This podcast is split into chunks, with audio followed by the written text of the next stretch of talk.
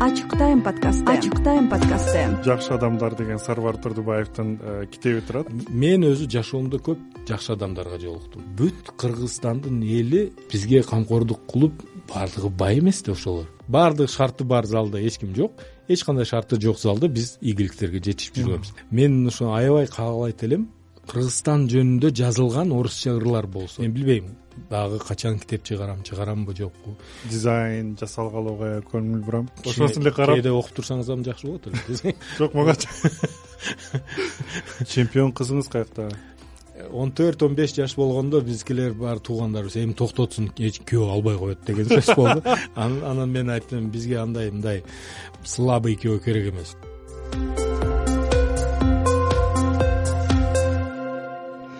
менин колумда э, хорошие люди жакшы адамдар деген сарбар турдубаевдин э, китеби турат. Бул экинчи китеби э, сарбар турдубаевдин мурдагы китеби. Атамдын багы деп аталат эле. Ал отцовский сад деп көбүнчө ыр жыйнак жана айрым окуялар аңгемелер камтылган. Бул китепте эмнелер топтолду? Ага чейин кандай жүрөсүз? Жакшысызбы? Маанайыңыз жакшыбы кудайга шүгүр жакшы баардыгы жакшы. Кош келипсиз бишкекке? за рулем болуп бишкекке жетип келдик. Машинени өзүңүз айдап келдиңиз? ооба өзүм каяктан айдап келдиңиз? Лейлектен лейлектен алып келдиңиз. Аркадан канча километр эле сиздин аркадан миңден миңдин аяк бягында аткенге чейин тогуз жүз бир нерсе. Дагы бир эки жүз кошпой бересиз да ооба. Сиздер азыр аркадан мурда анткени эле шуулдап өтүп келет элек. Азыр кантип өтүп калдыңыздар азыр биз исфанага барып анан баткенге барып мурун исфара аркылуу келет элек аябай эки саатта эки жарым саатта жетип элек азыр төрт саат болуп биз да конокторду ошол хажентке алып барат элек да конфликттен кийин маанай жакшы болуп калдыбы азыр бир аз элдердин? Кандай? азыр ооба салыштырмалуу өзгөрүш бар. Жакшыраак болуп калды. Мен өзүм байкаганым айылда мен дагы бир стройка баштап мына строительный магазиндерге материал саткан магазиндерге барып калдым. Э, и бүт бар жокто эми бизде стройкалар. Эл өзү кайрадан кафе магазин ошондой нерселерди кайрадан восстановить этип иштеген уже мындай настроениясы дагы маанай дагы ошо ошо талап болуп калды уже. Баягы конфликттен кийин сразу орусча айтканда опустили руки дегендей эч нерсеге колубуз барбай. Эч кандай жумуш аткаргыбыз келбей калдык эле. Ушу күйүп жаткан немелерди кичине тазалап коюп эле жатат эле. Азыр уже бузуп перестроить этип кайрадан куруш жумуштары башталып демек бул э, жашайбыз ошол жерде уланып атат дегенди билдирет экен да жакшы. Эми ошол китебиңизге өтсөк интервьюнун дагы негизги максаты ошол шылтоосу ушул жакшы адамдар китеби болду. Э, китеп эмне үчүн жакшы адамдар деп атадыңыз? Э, анан э, эмнелер камтылды? Аябагандай чоң экен. Э, салмактуу ооба салмактуу чоң. Мисалы атанын багы деген китепте ал мындай тептердей эле болсо а бул чоң китеп болуп чыгат ооба. Бул китептин өзгөчөлүгү дагы ошондо деп ойлойм мен.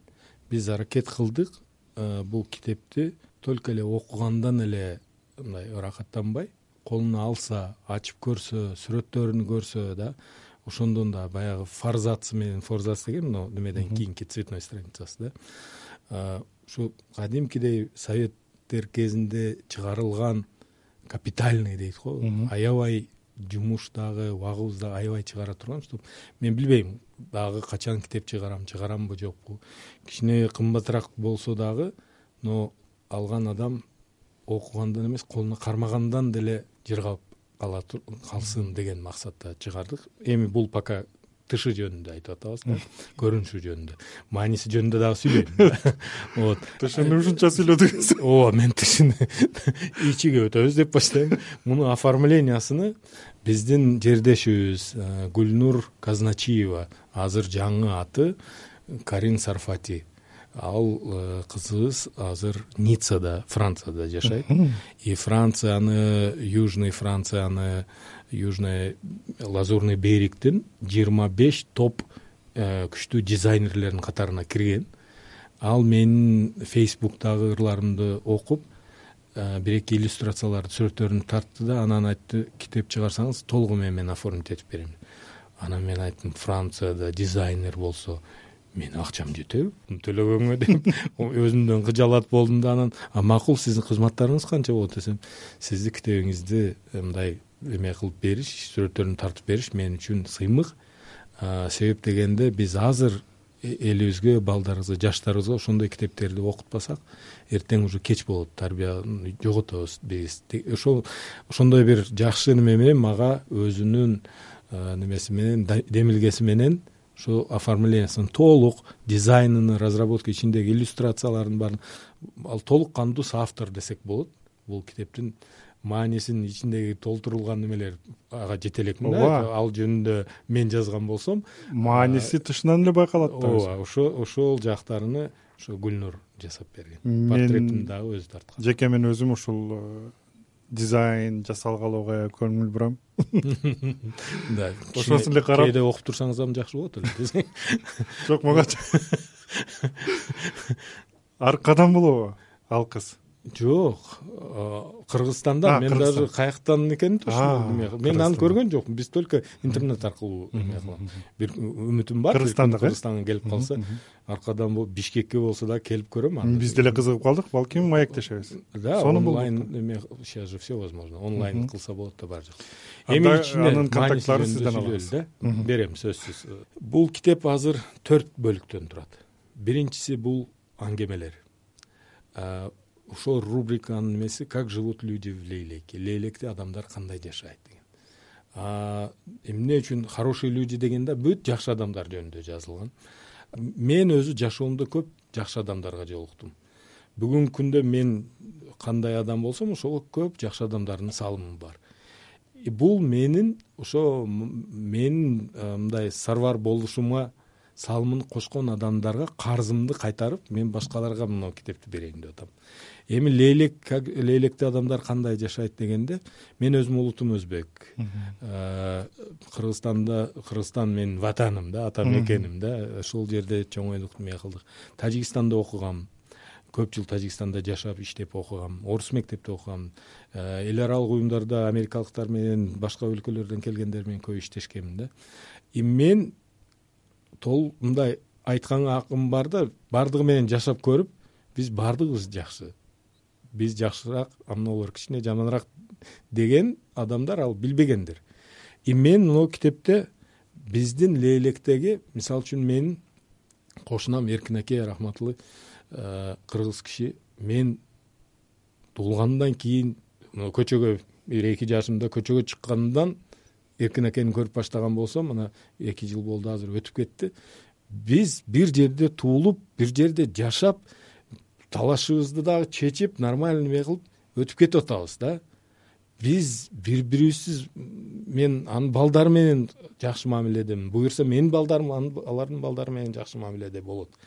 А кээде могу э, соц тармактарда э булар андай мындай деген комментарийлерди окуп калам да. Бул ошол нерселерди билбегендиктен ошол жака барбагандыктан деп ойлойм да. Албетте. Да и бул жерде коңшулар менен тажиктер менен дагы мамилелери жөнүндө дагы бир аңгеме бар эки аңгеме бар ушул жөнүндө дагы себеби менин үмүтүм могу китепти бүт чек аралаш чек ара эмес бүтүн кыргызстандагы жаштар окуса дагы о немеде э, түштүктө кандай адамдар жашаганын жакшыраак түшүнүшөт эле деп ойлойм да. Бири бирибизди жакшыраак таанысак жакшыраак билсек мамилебиз дагы жакшыраак болот деген. Бул аңгемелер как живут люди в лелеке булар кыска кыска себеби азыр жаштарда вообще жүз кырк тамга көп көп билбейм жүз кырк там ошондой неме барбы эми твиттерде ошончо эле жазылат. Мен твиттерди билбейм мен фейсбукта отурам да десең. Вот. Кыска кыска потому что элдер азыр көп окуганды деле кыйналышат жактырышпайт темалары темалары менен да жашап атабыз ооба. Видеонун дагы ролигин эле көрүп коюп болду кинонун барбай эле. Вот заголовканы окуп коюп эле вот. Ошон үчүн кыска жазылган зерикпейт адам и кызыктуу. Мен фейсбукка койгон ошо көбүнү пост болгон. Постторду мен аңгеме кылып койгом да. Ыйлагысы келгендер да күлгүсү келгендер да болгон. Вот ошо аңгемелер ошол жөнүндө. Анан экинчи чоң бөлүгү ырлар. Ырлар дагы үч бөлүккө бөлүнгөн. Биринчиси гражданский аңгемелер биринчиси аңгемелер ырлардан үч бөлүгүнөн. Биринчиси гражданская лирика. Менин гражданский позициям. Биздин өлкөбүздө болуп аткан окуяларга менин жекече ой карашым ыр түрүндө жазылган. Аялдарга каршы зордук зомбулуктар болгон ушул жөнүндө жазылган. Мисалы үчүн биздин кыздарыбыз москвада пожарда канчасы каза болгон ал жөнүндө. Ошо жүрөгүмө мындай таасири болгон окуялар жөнүндө сөз. Ибрагим деген детское насилие эки жаштуу ибрагимди эме кылып коюшту ошол анан чоң көйгөй бизде билесиң особенно түштүктө ар бир үй бүлөдөн жок дегенде бир эки адам россияда. Балдары биякта сагынып жүрөт. Мен бир ырым бар бул жерде. Өткөндө дагы ошону окуп берген болушум керек. Ал да ошол немеге кирген? Самолет өтсө биздин балдарыбыз ата самолет көргөн да атасы самолет менен кеткен ата самолеттон түшүң деген эмелер политический события анан ошол жөнүндө экология жөнүндө снежный барс архар ошолор жөнүндө гражданский лирикада жазылган. И мен атайын бул мурунку китепти чыгарганда окурмандар бирөөлөр айтты эле астында датасы болсо жакшы болот эле вот гражданский лирика баардык э, ырлардын астында датасы бар гражданский лириканы окуп туруп ошол кезде кыргызстанда болгон окуялар менен салыштырып көрсөң табып калышың да мүмкүн. А бул сарыр эке могу үчүн жазган экен деп түшүнүп жыл санап да. летописка окшогой э, ошондой эме. Мисалы үчүн тогузунчу июль жыйырма биринчи жыл жазылган ыр мына китепте. Бирөөнү короче мындай камап коюшканбы ошондой болгон мен азыр уже точно не могу и тут баягы сиз окуңузчу мен окудум анан болду там не только про это башка да? бирок мен орусча жазам а билесиң да? Албетте. А я молюсь за тех кто не молчит. Когда приходят забирать невинных. Кто рад помочь спасти и защитить без хвастовства без разговоров длинных. Кто никогда не станет воровать у нищего голодного народа. Кто не стремится во главу стола а тихо скромно постоит у входа. Молюсь за тех кто если в дом родной стучится недруг грязными ногами не побоятся взять и умереть открыто встав лицом к лицу с врагами. Молиться буду неустанно я. И днем и ночью вновь и вновь и снова за тех кто сам не будучи богат делил кусок с оставшимся без крова. Пусть будут живы те кто есть и был умом и совестью любой эпохи о ком забыв веселый светлый день. Мы вспомним в час когда все очень плохо. Эми бул ыр көп эмелерге мисалы үчүн э, кечээ м конфликт болгондо мен анан бир эки менин коңшуларым биз айылдан кетпедик. Балдарыбызды немелерибизди жөнөттүк э, узатып койдук эвакуировать эттик. Мен кете албадым но мен ошол моментте өзүм түшүндүм. Мен атамдан мага калган үйдү бакты мен таштап кете албайм деп чыксам жаны кошуналарыбыз кошуналарыбыз алар дагы кетпептир. Кийин анан бирөөлөр айтты конечно силерге тийбейт силер өзбексиңер тажиктер тийбейт деген сөздөр болду но ал моментте ким гарантия берет эле биз точно бизге тийбейт деп калган жокпуз. Вот. Анан могу жерде мына э, молюсь за тех кто если в дом родной стучится недруг грязными ногами не побоится взять и умереть открыто встав лицо к лицу с врагами. Деген ушул менин коңшуларым жөнүндө менин айылдаштарым жөнүндө калган кетпеген айылдаштарым жөнүндө десек болот.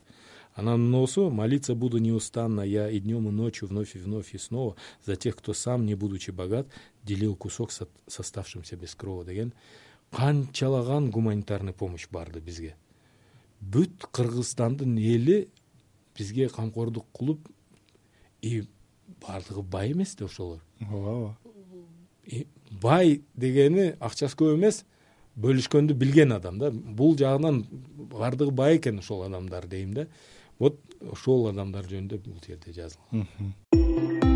Ачык тайм подкасты ачык тайм подкасты сиздин эмелериңиз ушундай бир кандай бир сезимдерди пайда кылат да? Мисалы ошол эле фейсбукта окугандар бүт баардыгы ошол айылды эстеп багын же болбосо өзүнүн дагы тууганын э, өзүнүн э, кандай бир мамилелерин эстешет да? Мисалы ушундай чыгармалар менен мисалы азыр э, көп таанышпай калды да балдарчы. Мисалы э, реалдуу эле бир факт же болбосо кандайдыр бир визуалдык э, оюн зооктор мененчи. Кандай деп ойлойсуз? Азыр бүгүнкү күндө ушул окууга өзүн агартууга ушул багытта бир кандайдыр бир жарандык коомдун э, аракети барбы? Же таптакыр эле таштап койдукпу эми мен кандай десем? Сиз аракет кылып атасыз? сиз ушул суроону мага башкача берсеңиз болбойбу десең вот орусчасына есть у вас мечта? деп сураңызчы ошону кыргызча какая у вас мечта? кыялыңыз барбы кыялым менин кыялым. Мен ошону аябай каалайт элем биздин балдарыбыз орус тилин үйрөнөт мисалы үчүн да орус тили китептери бар азыр ал кандай китептер мен өзүм билбейм. Может быть кыргызстан жөнүндө орусча жазылган. Но мен каалайт элем что березалар москва жөнүндө эмес ошо орус тилдик китептерде. Биздин кыргызстан жөнүндө жазылган орусча ырлар болсо. Эми мен ошол кыялданат элем.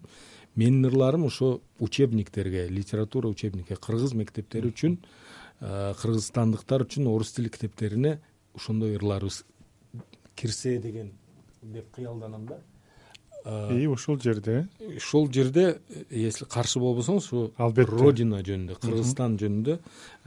И сразу эмелер кандай э, ыр кандай жаралат деген немеге дагы суроого дагы жооп берет элем. Менин бир коллегам ырлар ар кандай жаралат? Кээде бирөөдөн бир сөздү угуп калып туруп ошону тегерени атып. кетип тегерени өзүңдүн ойлоруңду кошуп кетесиң. Кээде бирөөнүн ырын угуп жок андай эмес деп. Ага каршы ыр жазып каласың да.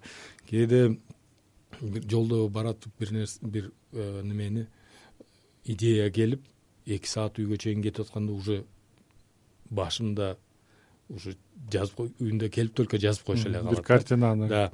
А могу ырды историясы менин бир коллегам украинага командировкага барыптыр анан кантип бир ай жүрүп келдиби келгенден кийин айтты ой мен немени сагынып турмун дейт. Тоолорду сагынып турмун дейт себеби бизде кыргызстанда каякта болсоң дагы тоо немеде горизонтто сөзсүз тоо бар да.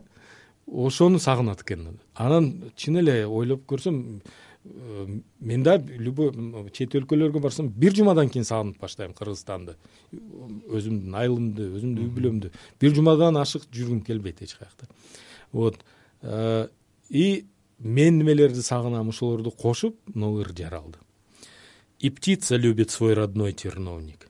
Свои колючки небо синеву. Как любит сад лелеющий садовник дарящую тепло и свет весну.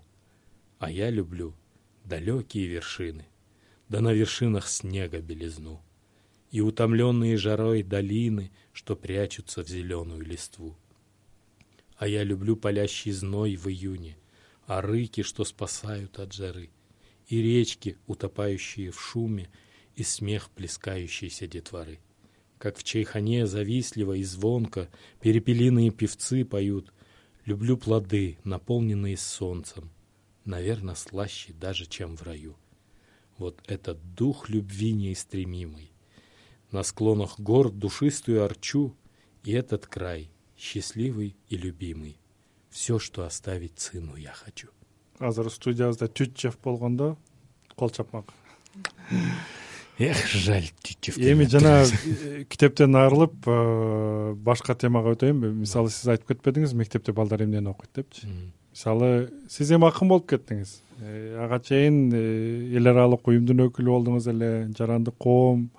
Дагы эле улантып атам но кошумча эми акын болуп катуу китеп чыккандан кийин чоң макул кабыл алынды. Мен сизди э, биринчи жолу кезиктиргенде э, ооба угарманга эскертип кетейин. Мен сарбар турдубаев менен э, бир миң тогуз жүз токсон тогуз эки миңинчи жылдары таанышканмын. Ошондон бери тааныш болуп көрүшүп жүрөбүз. Ошол мезгилде сиз мектептен келдиңиз эле. Мектепте орус тили мугалими болуп аябагандай мыкты мугалим деп азыр окуучуларыңызды көрүп калам. Азыр деле айтышат мисалы жакында эле дагы ош э, мэриясына э, аппарат жетекчиси болгондо сиздин окуучуңуз. ооба. Азыркы мектепке кандай баа берет элеңиз? Мисалы жөнөкөй мектепке баш бактыңызбы акыркы жолу? Качан ошол арканын мектептерине жаштык же болбосо дагы кайсы азыр борбордук. менин ой пикирим канчалык профессионалдуу болот объективный болобу билбейм но эме кылып көрөм. Жок жашоо сарбар турдубаевка кандай болду ошол? Э, мектептерде ар кандай да. И тилекке ну может тилекке каршы эмес жакшы болду. Ушул тилекке жараша. тилекке жараша балким жетекчисине карап эме болуп атабы дейм да. Кээ бир мектептерде э, эч кандай кызыгыш эч нерсеге жок болуп калып атат мен өкүнүп өзүбүздүн айылдагы мектепти эме кылам балдарыбыз көбүрөөк могу выпускнойго көйнөк прическа ошондой нерселерге билим алууга салыштырмалуу көбүрөөк маани бергендей сезилди мага. Мен жээндерим балдарымды окугандардан эме кылып ошондой нерсени байкадым. Ошол эле кезде биздин айыл өкмөттө номер үчүнчү гимназия бар. Апыр мадаминов жетектеген ал мен өзүбүздүн айылдагы балдарга ошолорду көбүнчө э, мындай пример катары үлгү катары көрсөтүп айткым келет да. Ал жерде кийимиң начар болсо эч ким күлбөйт. Биз да балалыгыбызда бүт эме абаларыбыздан калганын кийип алып сүйүнүп о мага качан тиет экен деп күтүп эле жүргөнбүз эски кийимдер да. Но бирок ал жерде жаман окусаң үстүңдөн шылдыңдап күлүштөрү мүмкүн да. Ал жерде баалуулуктар такыр башкача да. Мен ошондойлорду көрүп э, мындай ошолорго сыймыктанып э, сыймыктанып мындай суктанып ошолорго суктанып карайм да ошол эле мектепке чакырып мисалы үчүн сиз келип орус тилинден жок дегенде өзүңүз ырларыңызды окуп берсеңиз деле биздин балдарга пайда деп туруп дайыма эле булар каяктан бир жакшы нерсени үйрөнсөк экен деп аракеттенип жүрүшөт да. Эми жетекчиси ошондой калгандарын да ошондойго үйрөткөн окшойт да. Эми көп жерде мен өзүмдүн тажрыйбамдан айтсам бул нерселер көбүнчө шартка байланыштуу эмес болот экен да. Адам көп бул ошол номер үчүнтөн байкап койсок болот да. Ооба ушул мезгилге чейин жетимиш адам бир эле окуу жайга өткөн э? Медициналык академияга. Мисалы кээ бир райондон өтпөйт мисалы айлап жылдап дегендейчи. Бул мисалы үчүн э, биз э, проектте иштеп жүргөнүбүздө көп айылдарга барсак бар жокто айтышат мына бизде Э, спорт зал жок. Спорт зал болсо бизден да күчтүү балдар чыгат эле деп. Анан биз өзүбүз мен балдарым менен таэквондо клуб кружок ачып беш жыл тренировка кылып жүрдүк. Мектептин залында мектептин залындагы мурун спорт зал болгон эмес.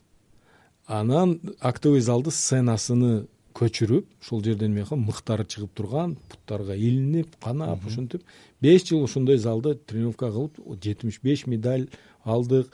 Өзүбүздө үч э, мындай э, э, соревнование өткөрдүк. Анан эл аралык немелерге барып утуп келдик балдарыбыз да ушул жерде. Анан эмеден кийин проект менен бир спорт залды ремонт кылып астына татами краска баары жокту пластиковый окна двери шартын түздүк. Балам студент болуп бишкекке келип калды. Мен баткенге жумушка кетип калдым. Ошону менен баягы залда эч ким жок. Баардык шарты бар залда эч ким жок. Эч кандай шарты жок залда биз ийгиликтерге жетишип жүргөнбүз адамда главное негизги бүт бар неме адамга барып такалат ошого өзүнүн убагын коротконго даяр болгон ошо өзү чын жүрөктөн кызыккан адамдар болсо шартка карабай деле алдыга жылдырып кете берет окуу дагы ошондой эле болуш керек да. Мектептерде дагы ошондой фанаттар бар болсо өзүнүн э, айылынын балдарына бир нерсе бергени кызыгып жаңы бир нерселерди алып келип берейин ушул балдарга дегендер болсо балдар дагы баалап ошону көңүл буруп алардан дагы бир отдача болот болуш керек деп ойлойм да ачык тайм подкасты ачык тайм подкасты китепте мугалим жөнүндө ырларыңыз барбы? Жаңы китепте. Же болбосо кесип жаман кармадыңыз го азыр мени азыр экинчи бөлүм эмнеге арналган биз немеде токтоп калдык э ооба. Жок мугалимдер жөнүндө э, не знаю по моему жок го. Уялып кеттим азыр уялып кеттим. демек дагы бир экинчиси да буюрса келечекте. Э, бар бар мугалимдер жөнүндө бар экен а эстедим э, баягы аңгемелер дегенде менин ата энем маргүн айылына барып ошол жерде абдылай агай деген э, агайдын агай менен коңшу болуп жашаган экен. Э, ошол агай менен үй бүлөсү менен менин ата энемдин үй бүлөсү жанаша жашап и бири бирине э, мындай бүгүн сен тамак жасаба мен жасадым деп туруп бири бирине чакырып анан менин бир тууган абаларым демек жакын болгон экен өтө эле менин бир тууган абаларым болгон мен еще көрдүрө элек болгом да. Анан ошолорду көтөрүп жардам берип жаш жаш баланы бир туугандай да ошондой жашаптыр анан бул нерсе азыр кечээги немеде да кайталанды да конфликт болгондо биздин айылдагылар бүт через маргун айылы аркылуу кеткенде маргунчулөр ар бир машинени токтотуп бара турган жайыңар барбы? Болбосо мына тамак даяр нан даяр жата турган жайыңарды келип жаткыла деп. Ошол нерсе баягы ата энелерибизде болгон бири бирине мээри ошо мугалим жөнөкөй мугалимдер болгон. Мугалим болсо да бири биринен эч нерсени аябай. Азыр бай адамдар бири бирине ошол нерсени бере алабы бере албайбы билбейм да. Вот ошол нерсе кайталанып атат. Бизде дагы эле ошондой бири бирибизге өзбектөрдүн кыргыздардын ортосундагы да э, мындай бири бирине жакшы мээримдүү мамиле дагы эле бар экен да. Ошол жеринде мугалимдер жөнүндө бар ушул жер. Сонун так эми ырларда биринчиси гражданский лирика болсо экинчиси философская лирика. Жашоонун мааниси достукка болгон менин мамилем да. Кандайдыр принциптер мисалы үчүн көрүп атабыз эми биздин досторубуз кээде ийгиликке жетишип атат кээде соттордон өзү неме болгон аныкы туура болсо дагы жеңилип калып аткан учурлар болуп атат да. Анан мен айтып атам но мы ошондой болсо ладно биз немени дагы кабыл алабыз пораженияны дагы кабыл алабыз но бирок биз өзүбүздү сатпадык э, совестти сатпадык вижданыбызды сатпадык. Ошонусу самое главное деген маанидеги ырлар бар. Вообще жашоо жөнүндөгү менин ой пикирлерим философская лирика анан э, үчүнчү раздел эми сүйүү жөнүндө обязательно болуш керек. Романтические стихи бул үчүнчү бөлүгүдө. Кааласаңыз философиядан философиядан сүйүү менен эң акыры эме кылабыз да. Угармандарга айтып кетсем атайын даярдап келиптир алдын ала. Дай бог здоровья близким и далеким терпения тем кто рядом в трудный час. И никому не дай быть одиноким когда судьба испытывает нас. Дай счастье быть кому-то быть кому-нибудь полезным быть верным тем словам что произнес произнес. Дай сил тому кто борется с болезнью надежду тем кто давится от слез. Дай мудрости тому кто недоволен тем малым что ему ты даровал. Дай нам возможность и любить и холить того кто нас когда то воспитал дай осчастливить деву деву в платье длинном чьей красотой я с юности пленен дай умереть спокойно рядом с сыном в краю где в каждый камень я влюблен адашып адашып кыйналып бул деле э, мекен мекен жөнүндө и мына жалгыздык жаман экендиги жөнүндө айтылган да китеп чыгаруу кымбат бекен азыр мен ушул жана сурайм деп аттым эле эсимден чыгып калыптыр. Бизде презентация болот. Жыйырма бешинчи сентябрь күнү мына шемби күнү. Жок эми гуглдан деле таап алам бирок сиз сиз айтыңыз. Канча турат экен канчага турду? жок жок айтам айтам азыр шашпасаң мен өзүм рекламамды кылып алайын да десең. Жыйырма бешинчи сентябрь күнү саат он жетиде исанова жетимиш тогуз бизнес центр жетимиш тогуз деген бар экен ошол жерде экинчи этажда китептин презентациясы болот. Ошого сиз дагы келиңиз. Сөзсүз вот. Угармандар дагы келсин. Мен азыр переживать этип атам бирөө келеби келбейби деп коркуп атам китеп чыгарыш мен айтпадымбы мен атайын аракет кылдым макул акча кетсе дагы эсте каларлуу. Мына биринчи китеп менен салыштырып көрүп атсаңыз ал жерде конечно моя душа там есть да менин жүрөгүм бар да. Но мынчалык оформленияга көңүл бурган эмес элек индийский огурец. да индийский огурец. Бул эмелерди көрсөңүз ар бир немеде биздин апаларыбыздын оромолдоруда болгон гүлдөр бар да. Эме иллюстрациялар оромолдо дасторкондо пардада.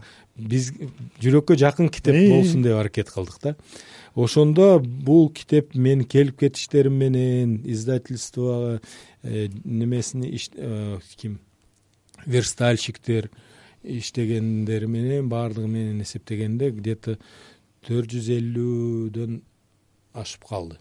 Беш жүз болуп калды десек да болот менин келип кетиштеримди дагы эсептесек э, ошондой болуп калды. Анан мен фейсбукта жаздым. Бекер только библиотекаларга берем деп. Калгандар беш жүз экземпляр. Баардыгы өзүмдүн акчама болуп атат. Себеби жанагы мен айттым го мен ошол өзүбүздүн өлкөдө улуттар аралык мамилени жакшыртууга өзүмдүн салымымды кошоюн деген эле максатта чыгарып атам менин акчам кайра мага келеби келбейби точно билбейм айта албайм так. Ну келсе жакшы келбесе деле ничего страшного сонун иллюстрацияларын мен эми жөөт көрүп атам. иллюстрациялары сонун акыл бирстин бул профессиональный дизайнер тарткан сүрөттөр да. Вот ошондой баткен символу. сегиз жүз сомдон сатабыз деп ойлоп атабыз и анан мен спонсор таппай койдум беш жүз экземпляр аябай аз да. Мен каалайт элем бүт кыргызстандын жаштары окуса деп. Но көрөбүз эме болсо мүмкүнчүлүк болсо китеп жакшы кете турган болсо дагы тираж дагы чыгарып дагы таратканга аракет кылабыз. Сөзсүз. Акыркы разделге өтөбүзбү сүү наконец то дейм. Көп адам менден сурайт кимге жазылган бул эме сүү жөнүндөгү ырлар потому что бул жерде мындай разлука жөнүндө дагы да айрылуу жөнүндө дагы жазылган. А мен келинчегим менен жашап атам да каяктан бул келди? деген мен айткым келет автор менен главный герой стихотворенияны аралаштырыш керек эмес да. Кээде ал башка башка адамдар болушу мүмкүн да. Башка бир историяларды элдерден угуп дагы ошону жөнүндө да айтып бериш мүмкүн да. Бул баардыгы конечно менин жүрөгүмдөн өткөн ырлар менин бир кандайдыр жүрөгүмдүн бөлүгү бар бул жерде. Но кээде бул история меники эмес башка бирөөлөрдүкү болушу мүмкүн. Ну бул эме катары эле айтып атам эми бул э, кайсыларды окуп бересиз? э, мен я никогда тебя не разлюблю деген ырды окуп я никогда тебя не разлюблю. Пусть даже буду далеко надолго скорей поверь что кем то я оболган чем в то что с кем то ложе разделю. Не верь коль скажет что забыл тебя что в сердце запустил давно другую. Поверь такого никогда не будет. Ну мало ли что болтуны трубят. Да в мире много путанных дорог. Если где то я с дороги сбился поверь что я всегда найти стремился тропинку что что ведет на твой порог. И даже если вдруг скажу я сам что без тебя милей мне весны зимы подумай что с ума сошел любимый но верить не посмей моим словам.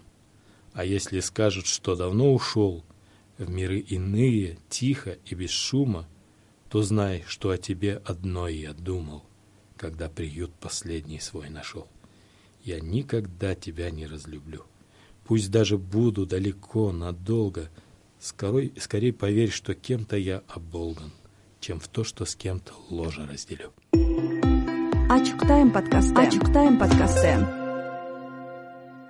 ыр музыкалык ырга даяр текст экен э кандай эми бул менин дагы бир кыялданып жүргөнүм.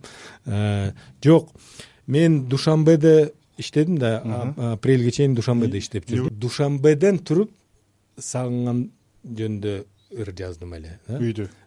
Да үйдү бирөөнү дейм. Вот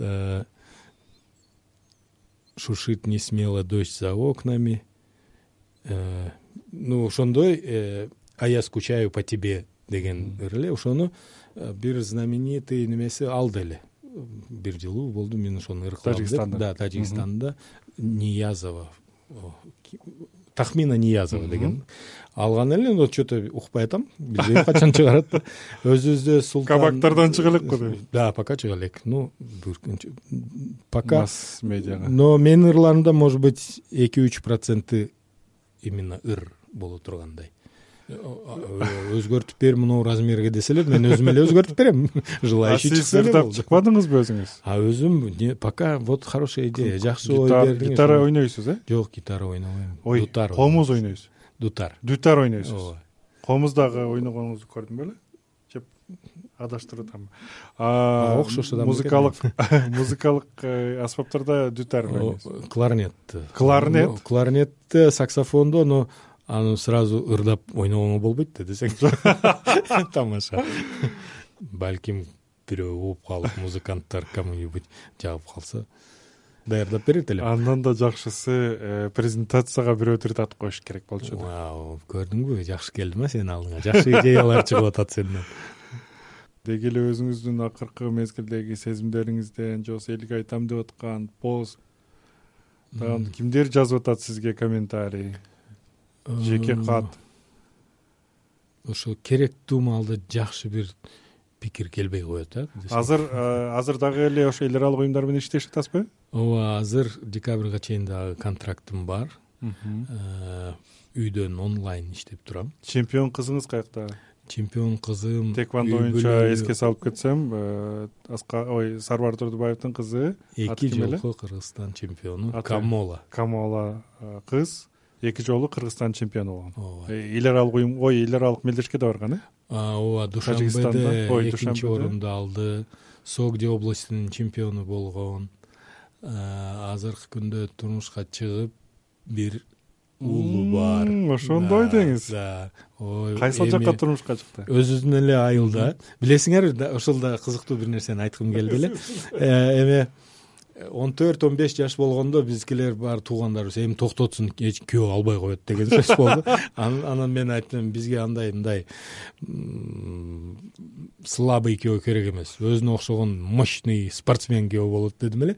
Өзүбүздүн эмеде биз менен беш жыл тренировка бир залда тренировка кылган Э, шакиртибиз десек болот ошол ошондой бир жигитке турмушка чыкты. Ал дагы спортсмен азыр баласы уже спортсмен бир жаштан кичине өтүп калды. Жана спорт залда иштейсизби э, да буюрса я так думаю ошолор үй бүлөлүк керек деп ойлойм үй бүлөлүк эме кылыпчы иш кылып. Вот анан э, жана мен айткым келди эле ырлар жөнүндө кызыктуу бир история айткым келди. Балдарыбыз окуйбу окубайбы деген бир коллегамдын коллегам айтып берип атат. Сиздин китебиңизди алып барып жетинчи сегизинчи класста окуган кызыма берсем окуп көрт вот мама вот вот такие стихи я хочу учить в школе. Мен мектепте моундай ырларды окугум келет десе о сага жактыбы? десе ооба жакты?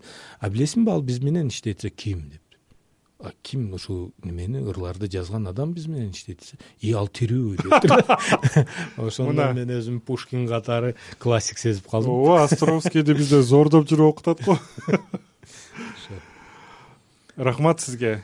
Сонун кызыктуу маек болду. Аябандай билбейм мен үчүн. Сиз үчүн кандай? сиз мага кээде кыйын суроолорду берип ошон үчүн деле кызыктуу болду да дейм. Сизге чоң рахмат. эмеге келиңиздер а презентацияга албетте сөзсүз бишкекке келип кабар берсем эч ким келбей калса уят болот жок жок көп эле адам барат деп ойлойм. Э, кайра сентябрь жыйырма бешинчи орун жетпей калбасын андан көрө. ишемби күнү саат он жети э, бизнес центр жетимиш тогуз. Мындан да алдыраак келгениңизде жакшы болмок. Маек рахмат. Хорошие люди. Э, жакшы адамдардын бири биздин студиябызда сарбар турдубаев болду. Э, жакшы адамдар ылайым жакшы адамдар көп болсун. Рахмат. Азаттыктын ачык тайм деген э, подкасттын кезектеги коногу ушул педагог жарандык активист эл аралык уюмдун өкүлү жана акын прозаик сарбар турдубаев болду. Ата балдарыңыз канча балаңыз бар эле? Төрт балам үч неберем. О үч небере. Дедушка чоң ата чоң ата сарбар рахмат сизге. Э, атайын келип жаңылыгыңыз менен бөлүшкөнүңүз үчүн сезимдериңиз менен бөлүшкөнүңүз үчүн. Сизге чоң рахмат. Маанайым жакшы болуп отурам. Рахмат дайыма ушундай маанайда жүрүңүз